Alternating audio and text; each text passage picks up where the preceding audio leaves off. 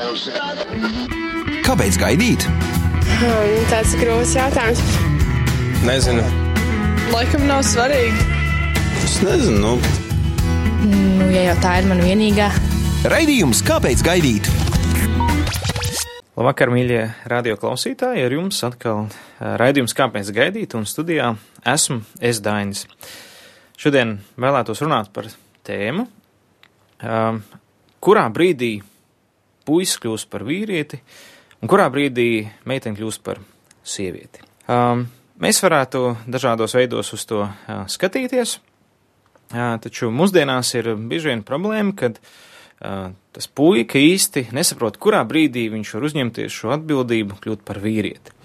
Um, un tāpat arī meitenēm ir līdzīgi. Un, un tad, kad bērns aug un attīstās, uh, viņam, protams, uh, veidojas viņš no bērna par pieaugušo, un tas ir tāds process. Taču vairāk mazāk daudzās uh, kultūrās um, ir īpaši tāda ceremonija, procedūra, ko sauc par iniciāciju. Uh, un nedaudz gribētu runāt arī par to, arī par Bībelē norādītiem kādiem Uh, iniciācijas idejām un lietām, un tajā pat laikā arī likt aizdomāties, ka nu, ir svarīgi iedrošināt jā, to puiku un meiteni sākt uzņemties atbildību par savu dzīvi. Tātad iniciācija no latīņu vārda nozīmē iesvētīšanu. Tā ir tā, savu veidu cilvēku pāriešana jaunā sociālā statusā, jeb līmenī, caur kaut kādu ceremoniju un rituāliem. Piemēram, tagad Latvijas televīzijā ir arī tāda dokumentālā filma par dažādām iniciācijas pieredzēm, piemēriem kultūrās, kur, teiksim, to mazo puiku vai to puisi, kas sāk augt, viņ, kas viņu padara par vīrieti, un, un pārējā tā attiecīgā kultūra, cilvēks saka, jā, tagad tu esi vīrietis, vai, vai par meitenēm arī. Uh, Un līdz ar to tas ir kaut kas, kas no Dieva mūsos ieliks, kad vienā brīdī, uh, nu tā kā tam puikam, tam bērnam ir jākļūst par pieaugušo. Un ja tas netiek tā darīts, ja kaut kā vecāki to nenorāda vai kultūra to neatbalsta, tad uh, paši jaunieši sāk meklēt šo iekšējo, nu tādu apstiprinājumu, tagad es esmu pieaudzis, vai tagad es gribu būt pieaudzis. Un ar to viņi sāk meklēt dažādu veidu aizvietotājus. Aizvietotājus šai iniciācijas ceremonija. Nu, piemēram, o, teiksim, puika ir pirmo reizi pamēģināt cigareti vai pirmo reizi pamēģināt alkoholu un, un tad kaut ko nogaršot no tās pieaugšo dzīves, vai tas ir tā, nu, vēl nav viens no lielākiem ļaunumiem, bet, bet tad sāk izveidoties arī tā domāšana, nu, pirmo reizi, kad puika pamēģina pārgulēt, nu, tad viņš kļūst par vīrieti. Un, un vai meitenes, jā, tagad, tagad es esmu zaudējis savu nevainību, nu tagad beidzot es esmu sieviete. Un, un, un līdz ar to, ja tas netiek kaut kā veidots, ja, ja nav, netiek šī nu, paudzes paudzē nodota tāda, nu, tāda atbildība, uzticēšanās, tad kaut kur tā cilvēciskā dvēselīte meklē, meklē tos apstiprinājumus. Un līdz ar to Tāpēc arī visās kultūrās ir uh, sava veida um, tādas mm, paražas. Um, pieņemsim tās latviešu rakstnieks Aivars Eipurs saka, uh, ka iniciācija process, caur kuru tu pārēji nākamā līmenī. Mēs pazīstam, piemēram, neformālās iesvētības augstskolā, pieņemšanu bandās vai kādā kolektīvā. Nu, piemēram, padomju armijā bija tāda saucamā ģedovšana, kur iesvēta tos jaunos. Vai arī laulības, pāriešana, teiksim, no neatkarīgā līmeņa uz laulības savienības līmeni. Ja, un tas ir caur, kurā, uz, caur lietas, caur kurām uzsāks kādas jaunas attiecību līmenis. Un tā ir tāda neatņemama sabiedrības sastāvdaļa, kurā atmetam veco un pieņemam jaunu. Tad, tad uh, ir svarīgi, ka arī šis puika atmet puikas dabu, ja, kā Bībelē saka, atmet bērna dabu un pieņem pieaugušā dabu, un meitenei tāpatās. Tāds katoļu garīdznieks Ričards Rors ir teicis, Tradi tradicionālajās kultūrās iniciācija vienmēr bijusi dzīves gudrības, eh, vieduma nodošana nākamajām paudzēm. Nozīmīgs sabiedrības pastāvēšanas un attīstības instruments. Kur bija iniciācija, tur valdīja uzskats, ka sabiedrības attīstībā to jānosaka viediem cilvēkiem, tad gudriem cilvēkiem. Um, tātad tā ir sava veida gudrības nodošana nākamām paudzēm, teikšana, tagad tu esi daļa no mūsu tādas pieaugušās uh, sabiedrības. Uh, piemēri, piemēri no pasaules. Ir daudz dažādu iniciācijas piemēri, ir kādi, kas ir pat ļoti, ļoti bīstami, kur, teiksim, vīrietis tiek pārvaldīts uz viņu vīrišķību, un ja viņš to iztur, šo iesvētību, nu, tā varētu teikt, nu jā, tagad viņš ir, nu, uz, ir gatavs uzņemties par uh, savu ģimeni atbildību, tad viņš var būt karavīrs mūsu ciltī un tā tālāk. Nu, piemēram, Āfrikā Vanuatu ciltī vīrietis tiek iesvētīts pa vīrieti tad, ka viņš uzkāp 25 metru augstā tornī, viņam pie kājām piesien liānas, un viņš lec ar galvu uz leju. Nu, līdzīgi kā gumijliekšanā. Tikai tā atšķirība ir tas, ka tu reāli tev ar galvu ir jāatsetās pret, pie, jāpieskaras zemē. Tad, tad tas teik, nu, nevis taisni, bet tā, tādā uzkalniņā. Līdz ar to tu tā kā ieslīpi pieskaries zemē. Un ja tu pārvar šīs savas bailes, ja tu tādā veidā noliec, tad viņi saka, jā, tu esi pietiekami drosmīgs, un tu esi tagad saucies mūsu ciltī par vīrieti. Nu, tas ir viens, tas ir viens no bīstamākiem, bet nav pats bīstamākais. Vēl bīstamāks uh, izrādās iniciācijas veids ir indiāņu ciltī. Kāda indiāņu ciltī, kur puišiem 20 dienas liek dzert indīgu augu mikstūru. Kā rezultātā viņi nonāk transā un piedzīvo halucinācijas un zaudē atmiņu. Un tādā veidā tā ir cenšanās viņus atbrīvot no bērnības atmiņām un likt uzsākt jauno pieaugušā ceļu. Nu, ļoti, ļoti bīstams. Un, principā, nu, sa, ar narkotikām sadozē cilvēku un, un, un piedzīvo halucinācijas. Nu, protams, skaidrs, ka tur var noindēties, un to viņi droši vien varbūt skaidroja. Nu jā, līdz ar to nebija gatavs pieaugušo statusam. Taču tad, tad tas vienkārši parāda, kā piemēram, ka kultūras mēģina kaut kādā veidā palīdzēt pāriet tajā nākamajā statusā. Tas šķiet visbīstamākā iesvētība, ko, ko, ko es esmu atradis, ir pastāv Masai ciltī Kenijā, Āfrikā, kur vīriešu iesvētības nozīmēja ko? Viņam bija jāņem šķēps, vairoks un jāiet nomedīt lauvas tēviņu. Ja viņš to izdarīja, viņš pierāda, ka viņš spējīgs būt karavīrs un aizstāvēt savu ģimeni. Nu, skaidrs, ka daudz šie puiši tikai ar šķēpu un vairogu, lauvai, kurš ir ātrs un, un, un spēcīgs, nu, viņi tā arī nekļuva par saviem ģimenes galvām. Bet, nu, bet lauvai vismaz bija labas vakariņas. Līdz ar to diezgan uh, traki piemēri. Taču arī tomēr eh, Bībele saka, ka ir kādas, um, kādas nu, tādas paražas, vismaz mēs varam redzēt jūdaismā, un jūdaismas cēlies ir nu, vecās derības Bībeles, ka tur ir īpaši tādas procedūras. Uh, un līdz ar to mēs varam uh, redzēt, ka ir kādas paražas, kas tiek izpildītas pie jauniem puišiem, jaunām meitenēm. Nu, piemēram, tāds pats pirmais tāds iniciācija jau notiek uh, astoņu dienu vecumā, uh, kad uh, Dievs teica, lai visi Izraēla bērni tiek apgraizīti. Ja, un tā ir jūdiem derības zīme. Un, un līdz ar to tas ir tādā veidā, viņi tā kā pieņēma viņu savā nu, tādā, viņš piederēja pie šīs mūsu tautas, bet viņš nav vēl pieaudzis, bet viņš pieder pie mūsu tautas. Un, uh, un līdz ar to, nu, to viņi sauc par tādu uh, Brita Mila, tāds uh, uh, paražu. Savukārt, tad, kad vēlāk viņš piedzima uh, un izauga, un meitenēm bija 12 gadi, un pušiem 12, vēlāk 13, uh, tā kā nomainīja, tad viņi tiek iniciēti pieaugušo kārtā. Un ir kāda teologa skaidro, ka iespējams, ka te, kad Jēzus uh, uh, tika uh, nu, ies, 12 gados nāca uz templi, viņš tika, teiksim, iesvētīts šo pieaugušo kārtā. Un tad, tad, uh, tad, tad, tad kad puisis tika iesvētīts, to sauc par barmicvā, jeb baušļa dēls, tāda procedūra. Meitenēm bija, viņas kļuva par baušļu meitām batmitsvā. Ko tad tas izmainīja? Tas nozīmē, ka ar šo procedūru, principā, puika uzņemas savu atbildību Dievu priekšā. Viņam bija jāmācās baušļi, tie viņam bija jāatskaita rabīnam, tās bauslības grāmatas, Un tādā veidā viņš, atskaitot to, parāda, ka viņš ir gatavs atbildēt par savu dzīvi Dievu priekšā un uzņemties atbildību. Tad uzņemties garīgu atbildību par savu dzīvi, saviem darbiem. Un līdz ar to ar viņu sāka reiķināties kā jau ar pieaugušo. Um, un līdz ar to tas ir, tas ir tāds procedūra, ko mēs varam redzēt, kad tiek pāriets no viena uz otru. Mūsdienās, protams, šādas iniciācijas procedūras, vismaz latviešu kultūrā, es nezinu, ir neoficiālās, kā jau teicu.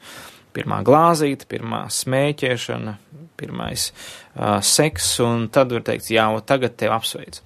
Līdz ar to būtu vērts padomāt, vai nevajag atjaunot kaut kādu savu veidu iniciāciju mūsu jaun, jauniešu vidū.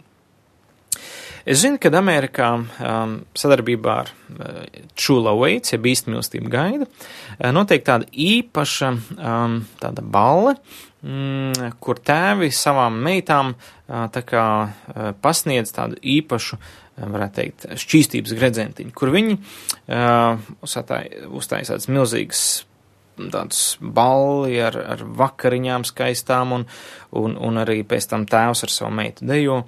Un šī vakara gaitā viņš dod tādu solījumu un savu svētību savai meitai, kad, jā, kad tu esi man meita, tu esi man svarīga, un, un es dodu tev šo gredzenu, kā šķīstības gredzenu, lai, lai līdz brīdim, kad es atkal te varētu nodot tavu vīra rokās. Un, un tā kā šai meitenei ir aicinājums gaidīt, taupīt sev līdz laulībām, un tādā veidā viņa saprot, ka tēvs ir par viņu, viņu aizsargā, un, un savukārt viņai liek dots apziņa, ka, nu, viņa kļūs arī tā kā pieaugšā statusā, un, bet tajā laikā vēl tēvs ir par viņu nomodā, teiksim tā.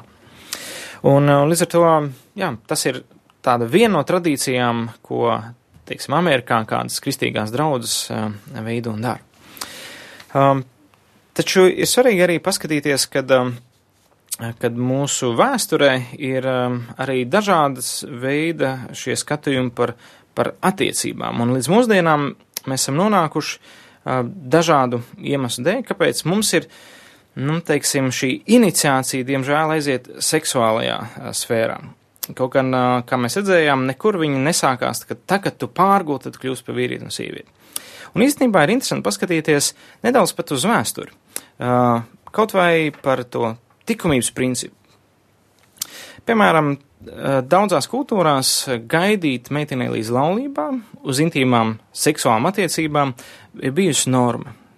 Teiksim, ķeltu kultūrā bija sievietes šķīstības tikums. Taču arī, ja mēs paskatāmies latviešu kultūrā, ir diezgan daudz uh, lietas, kur, kur daudzas latviešu dainas, kas rāda to skatījumu par kā jāveido attiecības līdz laulībām, tad tur ir diezgan skaidrās, skaidri parādīts, ka tautsdziesmas ne, nekur neparādās, kad ir atbalstīts pirmslaulība attiecības, Tāpat arī laulības pārkāpšana homoseksuāls nekur nav pieminēts, līdz ar to droši vien, ka tas pat nebija viņiem pat iedomājušies. Um, piemēram, ir vairākas tautas dziesmas, kas apstiprina tādu ideju, ko es redzu, ka Dievs ir ielicis visā sabiedrībā, un arī latviešu dainās viņi parāda šo gaidīšanu līdz laulībām. Un tur ir ļoti svarīgi arī šī, mm, kad šīs tautas dziesmas jau rakstīja pieaugušie. Viņi mācīja saviem bērniem ieturēt šo likumības principu. Un līdz ar to tajā laikā, protams, nebija mēdī, bija sabiedrība, bija ģimene, un, un, un tika nodot šī ideja, jā, gaidība. Nu, piemēram, tādas tautas dziesma. Um, no vainaga es pazinu jauna, jauna tā meitiņa no vainaga ziedi biri no acīm asariņas. Nu, tas parāda, ka um, šis vainags vienmēr simbolizēja nevainību, nevainību, uh, kuru, kā, nu, noņemot šo vainagu, līdz ar to meitene arī uh, savu veidā, nu, kā, atdod savu nevainību un kļūst par sīvu. Uh, tad kāzās parasti bija ceremonija, kurā šo vainagu noņēma uh, simboliski no meitenes. Um, piemēram, Dārgs eh, bija mans vainagdziņš ne ar zeltu atpērkams, mātes, mātes darināts, māmulītes dāvināts. Um, katrā gadījumā latviešu kultūrā nav daudz liecību, kā bija pirms kristietības, kas ietekmēja mm, latviešu domāšanu, taču tautas dziesmas vairāk mazāk tika apkopotas 19. gadsimtā, vēl turpināts rakstīt viņas, un ar to tas parāda tā laika sabiedrības domāšanu. Nu, piemēram, vēl kā tautas dziesma - godam dzimu, godam augu, godam gribu padzīvot, ar godiņu noņemat tautas manu vainziņu. Nu, tad, tad pilnīgi tāda normāla tāda apziņa, kad, nu, kad es vēlos ja, gaidīt. Vai arī pieņemsim vēl, um, valkā labi jaunā māsa, vecās māsas vainedzību. Vecā māsa tā bija gudra, tā ar godu novalkāja. Tad tajā laikā, kad, teiksim, aprecējās vecākā māsa, uh, vainagdziņš tika noņemts un nu, atdots jaunākajai, jaunākajai, nu, māsai. Uh, Līdz ar to, un tad, tad, tad viņas atbildība tad būtu tā, tā nākamajai, kurai jāaiziet pie, pie vīra.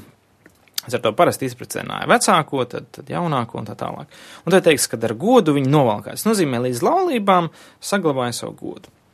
Vēl viena tāda populāra, manā jau pieredzē, populāra tautsdziesma, ko es lekcijās lasu. Grib puisītis ar negodu, noņemt manu vainagdziņu. Ja tev tika ņem ar godu, ar negodu nedabūsi. Tad gribi puisītis bez laulībām paņemt manu vainagdziņu. Ja tu gribi aprec mani, bez laulībām nedabūsi. Hm? Um, jā, līdz ar to arī latviešu kultūrā viennozīmīgi šā ideja par gaidīšanu līdz laulībām bijusi, un tā ir bijusi kultūrā, tātad vecāki to ir mācījuši, dzīvojuši tā un nodevuši tālāk paudžu paudzē. Un tas ir bijis ļoti svarīgi. Uh, nesen dzirdēju interesantus uh, stāstus par to, kā ir arābu kultūrā mūsdienās. Mans kolēģis Lūkas Balodis nesen atgriezās no Jordānijas. Viņš stāstīja, un arī pēc tam kā citi vīri runājot, viņš apstiprināja, kā viņiem ir ar gaidīšanu līdz laulībām. Un, un izrādās arī ar šī, nu, gan arābi, gan tās austrumu kultūras, tuvie austrumu kultūrās, ka viņiem uzdod jautājumu, nu, kā jums ir gaidīšana līdz laulībām, viņi pat nesaprot šo jautājumu. Saka, kā, bet seks taču nav paredzēts nemaz ārpus laulībām. Kā, kā tas var būt? Un viņi pat, viņu domāšana ir tāda, ka nu, tas vispār nav iespējams. Nu, tas ir paredzēts tikai vīram un sievai, un sievietei jābūt nevainīgai līdz laulībām. Un tādā veidā tas parāda, kad rietumu kultūra ir aizgājis pilnīgi projām no tā modeļa, kas uzturēja ģimenes veselīgs, un savukārt um, šī tuvo austrumu domāšanā ir diezgan normāla, un tas ir goda lieta. Goda lieta. Un līdz ar to tur arī laulības šķiršana ir ļoti, ļoti minimāla. Pat kādā valstī 99% laulības paliek kopā, un tikai 1% varbūt šķirās.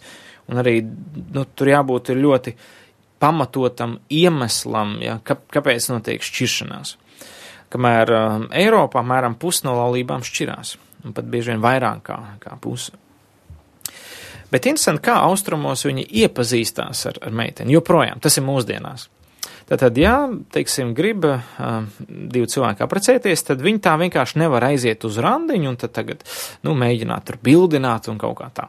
Viņiem diezgan stingrs robežas, vecāki joprojām ir ļoti liela autoritāte, un tu nemaz nedrīksti aprecēties bez vecāku piekrišanas. Tas nozīmē, ka uh, pirmais randiņš izskatās tā. Tātad uh, vienas dzimtas pārstāvi satiek otras dzimtas pārstāvu un saka, ka mums ir meita, jums ir dēls.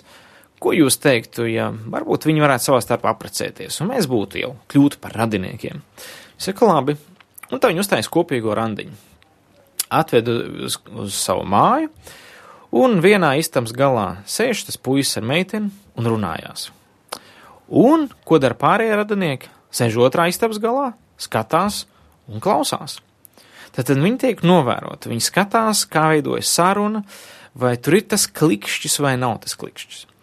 Un tad, kad beidzās šis pirmais iepazīšanās vakars, nu, tad viņi prasa tai meitai, nu, kā tev liekas tas potenciālais vīrs? Un ja viņi saka, mm, nē, nepārāk, Un tad, tad, tad vairs uh, tur nav jautājumu. Ja kāda no šīm pusēm nepiekrīt, tad, tad vairāk šādu tikšanos nav. Viņi arī individuāli droši vien arī netiekas. Savukārt, jā, meite, meite saka, jā, nu, jā, varētu būt potenciāls, un puisis saka, jā, tā meitenes labprāt gribētu viņu par savu sievu, tad viņas arī ko vēl vienu randiņu, līdzīgā stilā, un atkal ļauj runāties. Un ar to visu randiņu notiek radinieku klātbūtnē. Un kas notiek tad eh, pēc tam? Tad eh, viņi pat arī pēc tam nedrīkst individuāli tikties. Un, eh, un līdz ar to tikai tā kā ir sadarināšanās, tad viņi var vairāk tur, nezinu, apkamt viens otru vai kaut kā tā. Bet principā tad, tad nenotiek tādas kaut kādas sajiešanās bez vecāku ziņas. Un, man liekas, tā viena no liela, bīstamākajām lietām ir tas, ka tēvi nezina, ar ko viņa meitas tiekās vai, vai, vai ko viņa dēli tiekās. Jo tas taču savieno pilnīgi divas dažādas, eh, nu, teiksim tā, eh, dzimtas, ģimenes. Tas ir radi uz, uz kā saku, visu dzīvi. Un, eh, un ar to, ja kāda, un austrumos viņiem uzskats ir tāds, kad māte vislabāk pazīst savu bērnu. Viņa zina, kas būtu viņam vislabākais. Un līdz ar to tur ir tāds respekts un cieņa, kad bērni arī ļauj vecākiem tā kā noskatīt, bet tiem laikā viņiem ir iespēja pašiem tomēr izvēlēties, tad jā vai nē. Bija kāda meitene, kura bija laikam desmit puišiem jau atteikusi, un tad, nu, tad gaida to 11. Bet, nu, vismaz tas ir tādā drošā vidē. Un ar to Tad, kad uh, vecāki tiek paņemti prom no saviem bērniem, arī šajā dzimuma audzināšanā, iniciācijas procesā, uh, tad uh, notiek milzīgas, milzīgas problēmas. Un tas ir tas, kas noticis mūsdienās, īpaši rietumos. Internets ir paņēmis savu, jeb tas, kas notiek caur internetu, caur mēdījiem, caur draugiem, pilnībā sabojā paudzes, sabojā nākamās ģimenes. Un līdz ar to ir pienācis laiks pārdomāt, vai nav vērts eh, tēviem uzņemties atbildību par saviem bērniem un arī mātēm un, un izveidot cieštūs attiecības vienam ar otru. Um, nesen dzirdēju uh, Baptistu bīskapu Pēters Proļu tādu uh, informāciju par kādu pētījumu, kas ir veikts Hārvardas Universitātē, ASV. Uh, Tātad tas ir ilgākais pētījums attiecībā uz cilvēkiem, un viņš ilgs 77 gadus, un viņš joprojām vēl turpinās. Un tajā tika izpētīti uh, 2000 cilvēki, ja nemaldos, iespējams, ka tie bija vīrieši, bet tūkstots no viņiem bija labu situētu ģimeņu, ja bagātu ģimeņu bērni, kuri paši bija Harvardas universitātē pirmā kursa studenti. Un savukārt otrs tūkstots bija um, Bostonas nabadzīgo rajonu puiši, kur tika aptaujāti. Un 77 gadus apakaļ šis pētījums sākās, un šo turpinās joprojām, aptaujā viņu bērnus, mazbērnus, uh, sievas un ģimenes un tā tālāk. Lai noskaidrotu vienu lietu. Kas ir darījis viņus laimīgus? Kas ir tas, kas padarīs viņus laimīgus? Kas ir tās lietas? Uh, un, uh, un viņi atklāja to, ka uh, kad tie, kas jūtas patiesi laimīgi, kad uh, tie nav tie, kuri ir kļuvuši bagātākie. Tie nav arī tie, kuriem ir izdevusies karjera, un tie nav arī tie, kuriem ir vislabākā veselība. Izrādās vislaimīgākie no viņiem ir tie, kuriem ir vistuvākās attiecības ar saviem tuvākajiem tad, kuriem ir dziļas attiecības, kuri veidojuši dziļas attiecības visavas dzīves garumā, saviem tuviniekiem, sievu, bērniem, mazbērniem, un, un, un, un, un tuviniekiem, radiniekiem, varbūt draugiem, un citu, tie ir vislaimīgākie. Un tas parāda, ka Dievs mūs radījis priekš attiecībām. Radījis, lai mums būtu tuvas attiecības vienam ar otru. Un tikko kā pazūd šī dziļā saikne starp uh, vecāku un bērnu, nenotiek šis iniciācijas process, nenotiek šīs attiecības, šī mantojuma nodošana, gudrības nodošana, likumības nodošana, uh, sāk viņus mācīt kaut kas cits. Un līdz ar to atšķiļās un līdz ar to kā nelaimīgi vieni, tā arī otri. Un tāpēc ir tik ļoti, ļoti uh, svarīgi saprast, ka ir, ir jā, jāuzņemās atbildība par to savu dzimtu, kurā es esmu, kurā es dzīvoju. Um, un, protams, ja mēs skatāmies, tad uh, Bībele ir, ir tā vieta, kurā nu, ir diezgan skaidri uh, teikts un runāts par, mm, par uh, šo atbildību ģimeņu starpā. Vecajā derībā ļoti daudzās vietās ir teikt, stāstiet stāstus par Dievu, paudžu paudzēm, lai tas jums ir mūžīgs likums. Nododiet šīs zināšanas, nododiet šos stāstus. Un līdz ar to joprojām šī domāšana ir uh, ebreju kultūrā, ka viņiem Ābrahams ir tēvs, un viņi zina savus cilts rakstus, un, un viņi zina, no kā viņi ir izcēlušies. Un, ja, teiksim, jūs aizbraucat uz Izraelu, tad jūs satiekat kādus, viņi noteikti jums pastāstīs. Mūsu senči še, uz šejien atbrauca tajā gadā, un mani senči bija tas un tas un tas. Un to viņi var pastāstīt daudzās paudzēs apakaļ. Tas nozīmē, ka uh, viņiem tā ir vērtība. Mans dzimtas koks man ir vērtība. Taču kā ir mums, kā ir mūsu kultūrā?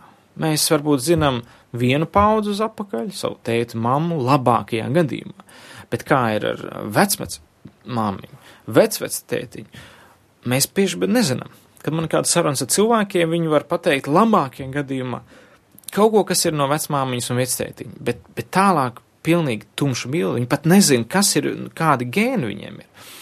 Un, un ar to mēs, jā, mēs varam nākt no dzimtām, kur tā nav bijusi vērtība, kur mūsu dzimta nav vērtība, kur uh, nodošana pauzu pauzē, gudrība zināšanas nav vērtība.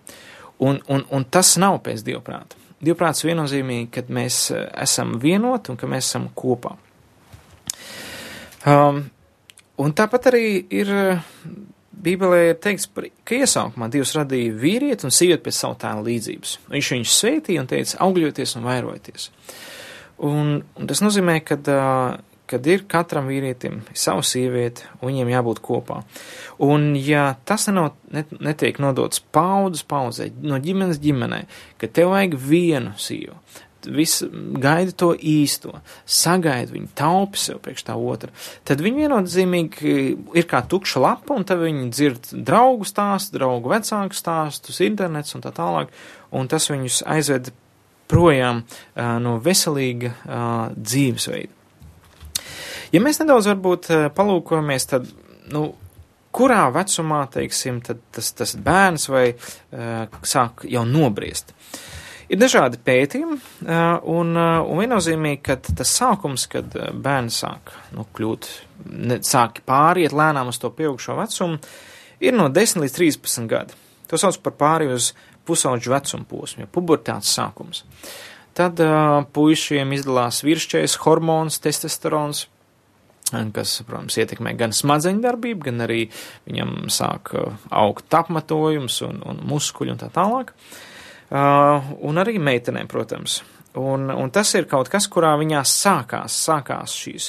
Un tagad tas sākās, ir labi, ka tad ir šāda veida iniciācijas process tiek veikts. Um, man ir bijis reizes, reiz, kad es sarunājos ar kādām, kādām, mm, nu, kādiem vīriem, kādām māsām, viņi saka, mani, es nekad neesmu saņēmis tēva svētību. Es nekad neesmu saņēmis mātes svētību. Es nezinu, kas tas ir. Uh, un līdz ar to, tad, kad uh, bērnam nav pietrūkus šis vecāka atbalsts, uh, viņš bišķiņ, viņa dvēseli tā, tā kā pazaudēsies, viņš nezin, kas viņš ir, viņam nav piederības sajūtas, viņam tāds ir, ka viņš nepieder nekam, viņš ir tā kā tāds, kā tāda latviešu dziesmas nesen bija vientuši kā koks iestādīts. Ja. Um, līdz ar to ir ļoti, ļoti svarīgi kādreiz saņemt to. Ko darīt? Ko darīt, ja tev pietrūkus mātes un tēva svētība? Tas, ko es esmu kādreiz darījis, es teiksim, esmu kādreiz aizlūdzis par um, kā, kā mācītājs, uh, par kādām meitenēm, vienkārši sakot, um, jā, tavs tēvs nav, vai viņš ir miris, vai viņš tevi nesvētīja, bet tev ir Dievs tēvs. Un es vienkārši kā Dieva kalps gribu aizlūgt par tevi uh, tēva svētību, ka tu vari saņemt šo svētību no debes tēva. Un tā vienkārši aizlūdz, kad, kad šī ar ārona svētības vārdiem un, un arī Ah, vienkārši novēl tēva svētību, debes tēva svētību. Un īpaši arī vīriem tas svarīgi, jo bieži vien, ja mēs neatrodam sevi ģimenē, tad mēs mēģinam meklēt to piederību. Un Dievs ir radījis savu ģimeni, viņš radījis savu draudzi. Un līdz ar to draudze dara to funkciju, ko bieži vien, diemžēl, ģimenēs nav tiek izdarīts. Draudzē ir jāmāc par šo gaidīšanu līdz laulībām, par uh, nobriešanu, un arī draudzē ir sava iniciācija, ieiešana no bezdīviskā stāvokļa, uh, teiksim tā, svēto stāvoklī. Un tas ir caur ticību un kristību. Kristība ir tas brīdis, kurā mēs, teiksim, atvadamies no vecās dzīves, jā, caur ticību Jēzum Kristum esam saņemuši grēku piedošanu, kristamies un apliecinam un slēdzam derību ar Dievu. Esam pieņemti viņa ģimenē. Un ar to tie, kas atrodas draudzē, viņiem, viņiem ir šī jaunā ģimene, kurā tad ir arī jābūt šai māceklībai, apmācībai. Un ir žēl, ka vienīgais, kas apmāca cilvēkus, tas ir mācītājs. Tā nevajadzētu būt. Tas nav nekur Bībelē teikts, kad, kad mācītājs vienīgais, kas apmāca. Jo, jo tur teikts, vecākās sievas, ja māca, lai pamāca jaunākās. Kā mīlēt mī, vīrus, vecāki vīri, lai pamāca jaunākos puišus. Un, un, un tas ir kaut kas tāds, kas vismaz draudzēs būtu vajadzīgs, kad mums ir vecāki, pieredzējušāki vīri, svēti, šķīsti nāk un, un, un iedrošina vīrus, jaunos puišus, nākamos vīrus. Un notiek tāda māceklība. Viņi ir piemēri. Savukārt mūsdienās ir izdarīts tā, ka vecie tam nekam nedara, nu tad jaunie tad viss, un tad jauniešu kalpošana ir primārā, un tad viss pakārtots tam. Uh, jā, tad, tad tas ir labi, taču jautājums, kas vada šīs jauniešu kalpošanas? Jauniešu kalpošanas vada jaunietis, nu viņas ir būs jaunietisks, bet ja tajā ir iesaistīti pieauguši vīri, kur ir eh, vismaz 20 gadu lielāka pieredze nekā ja jaunieši, kas tur ienāk, tad tas ir labs, svētīgs process, kur var teikt, tēvi iedrošina šos jauniešus un palīdz viņiem augt un, un veidoties. Un tur ir daudz dziļāks eh, svars, nevis vienkārši izklaidi. Jo bieži vien jauniešu kalpošana pārvērš par izklaidi, kurā mēs izklaidējamies, bet tāds dziļums nenotiek. Un tāpēc vajadzīgi šie pieredzējušie brāļi māsas, kas ir klāti, kas, kas atbalsta, kas svētī, kas inicē, kas, kas aizlūdz par tiem jaunajiem uh, Kristus sekotājiem. Līdz ar to 10, 13 gadi tas ir tas pusauģu vecums, kas ir bieži vien grūts vecums, taču nu, viņi nevar aizbeigt. Un tad, kad ir 14, 16 gadi, tad sāk vairāk veidoties analītiskā domāšana, vairāk šis bērns sāk saprast, arī, teiksim, abstrakt sāk domāt. Ir diezgan daudz hormonu vētras, emocijas, viņš nespēja to kontrolēt. Uh, Uh, un, un, taču viņš savā veidā nu, arī ir atvērtāks vienaužu ietekmei. Ar to līdz šim vecumam jau ar bērnu ir jābūt strādāt vecākiem, sagatavot šim vecumam, jo pēc tam ir grūti viņu ietekmēt. Kā Džeims Dobsons saka, kad uh, līdz tam 13, 14 gadu vecumam um, nu, bērns ir, uh, nu, ir, ir kopā ar tevi. Bet tad Pēc 14, 13, 14 gadiem viņi palaida futbola laukumā, un tur būtu tikai kā treneris, kas no malas var uzsaukt kaut ko, pateikt, bet viņš jau ir iekšā spēlē. Viņam tik klāt vairs tik viegli nevar. Tāpēc ir svarīgi strādāt līdz šiem 13 gadiem ļoti, ļoti nopietni svarīgi. Un tad, kad nāk 17, 19 gadi, tad, tad vairāk, vairāk viņš sāk analizēt lietas. Te teiks, ka meitenēm smadzenes analītiskā domāšana attīstās līdz 19 gadiem, puišiem līdz 21. Um, un ar to tādas īstas normālas attiecības arī tikai sākot no 19, 20, 21 gada var sākt veidot. 15, 16, 17 gados attiecības ir vienprātīgas, tās ir joprojām bērnišķīgas, tās nav nopietnas. Līdz ar to ir normāli, ka vecāki neļauj veidot attiecības līdz 18 gadu vecumam. Manā skatījumā, un pēc pētījumiem, pēc psihiskā stāvokļa, gatavības, es domāju, ka tas ir pilnīgi normāli. Um, līdz ar to tas ir svarīgi ņemt vērā. Un Bet tad tajā pa laikā arī, tā, kad tiek veidot šīs attiecības potenciāli nākamo dzīves draugu, svarīgi, ka vecāki neatkāpjas.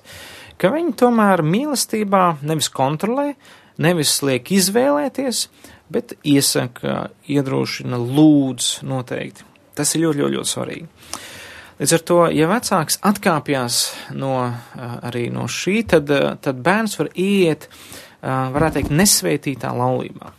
Un ir tāda statistika, kas liecina, tās laulības, kurām nav bijusi vecāku svētība, tās uh, ir visneizdevušākās. Ir lielāks procents šķiršanās, skaitu un daudz citādas problēmas. Nu, jo padomājiet, jums ir bērni, un, un vecāki, kad vienmēr satiec vecāks, viņi nepriecīgi, viņi nelaipni, un, un, un nav tā savienība. Ar to ir ļoti, ļoti svarīgi saņemt tomēr vecāku svētību. Jā, mēs jau varam būt dumpīgi, tāpēc mums vecāki nav klausīšana un tā tālāk. Jā, tas ir cits stāsts. Tur vajadzīgi ir piedošana, tur vajadzīgi ir, ir izlīdzināšanās, tur daudz citas lietas. Jā, un ir brīži, ka nevar būt vecāki klāt. Vienkārši varbūt viņi vairs nav. Uh, bet, bet tādā gadījumā ir labi meklēt varbūt draudzes palīdzību, varbūt kādu garīgu brāļu māsu vecāku, kas iesaka, un jo tomēr um, tie ģimeni, kas iet uz draudzi, arī viņu bērni ir draudzes bērni savā veidā. Un, un līdz ar to draudze uh, ir, ir, ir kā viena miesa. Nevar būt atdalīta. Individuāla kristietība neeksistē. Tā, tā, tāda nav. Bībelē tāda nekur nav paredzēta. Līdz ar to kristietis bez draudzes ir, ir kristietis, kas nav pilnīgā dievgribā. Jā tā nav pilnīgi dievgrība. Ir jābūt ir draudzēm. Un, un līdz ar to tāpēc arī es, jā, šis raidījums varbūt ir kāds pārējais, doma pārējais, izraisošs, domas varbūt vecākiem pārdomāt par to, vai jūs ejat līdz saviem bērniem, vai jums ir kāds iniciācijas process, kurā viņi saprot, ka tagad jūs reiķināties uh, kā ar pieaugušu, ka jūs redzat, ka viņš vairs nav bērns, jūs neturpināt viņu kontrolēt, viņu pamācīt, viņa lietā izvēlēties visas lietas, bet jums ir, viņam ir jūsu atbalsts, teiksim tā, gan materiāls, gan, gan emocionāls, un, bet tajā laikā arī šīs savstarpējā mīlestības cieņa, kad viņš jūs ciena un, un, un, un kad, kad viņš saprot, kad ir jādzīvo saskaņā ar, arī ar jūsu gribu kaut kādā ziņā. Savukārt bērniem, jeb eh, jauniešiem, es iesaku, ja tev ir pietrūkusi, teiksim, tāda tēva māca svētība, un tev vecāki ir īpaši ticīgi, ej, ej, ej un runā par šīm lietām. Teikt, tēvs, es varu lūgt tev svētību, vai, vai mācis var lūgt tev svētību, vai, vai tu redz man kā pieaugušu, vai es varu, un, un izrunā šīs lietas, tas, tas ir ļoti, ļoti svarīgi. Un, ja varbūt, eh, ka tu jau esi laulājies un, un precējies, Un varbūt nav kādas sakārtotas attiecības, es nezinu, ar, ar, ar draugu vai ar kādiem citiem cilvēkiem. Atcerieties, ir vajadzīgs tūs attiecības vai vajadzīgs atbalsts. Un varbūt, ka tu varbūt draudzēji par piemēru kādam. Kādam puikam, kam nav tēva, kādai meitenei, kas varbūt arī nav tēva. Un kad, kad mēs varam uzņemties rūpes vismaz kristīgajā vidē vienam par otru, lai, ne, lai varētu teikt tā, vēlns nenolaupa jā, cilvēku dvēseles no, no mūsu vidus. Ar to šis varbūt tāds raidījums, kas raisīs domas, man nav pareizās atbildes, man ir pārdomas, ieteikumi, bet es aicinu, ka mēs varam uzņemties atbildību par nākamo paudzi, neatstāt to un savukārt arī respektēt to paudzi, kas ir pirms mums, lai mēs netiekam atdalīti. Šis bija rādījums, kāpēc gaidīt. Ar jums bija kopā studijā Dainis, un uh, lai Dievs ar jums līdzi mēs atkal tiksimies uz redzēšanos. Šis bija raidījums, kāpēc gaidīt. Klausies to katru otrdienu, pulksten 18,5 minūtēs Latvijas kristīgā radio ēterā vai arī jebkurā tevērtā laikā internetā www.īsta mīlestība gaida LV.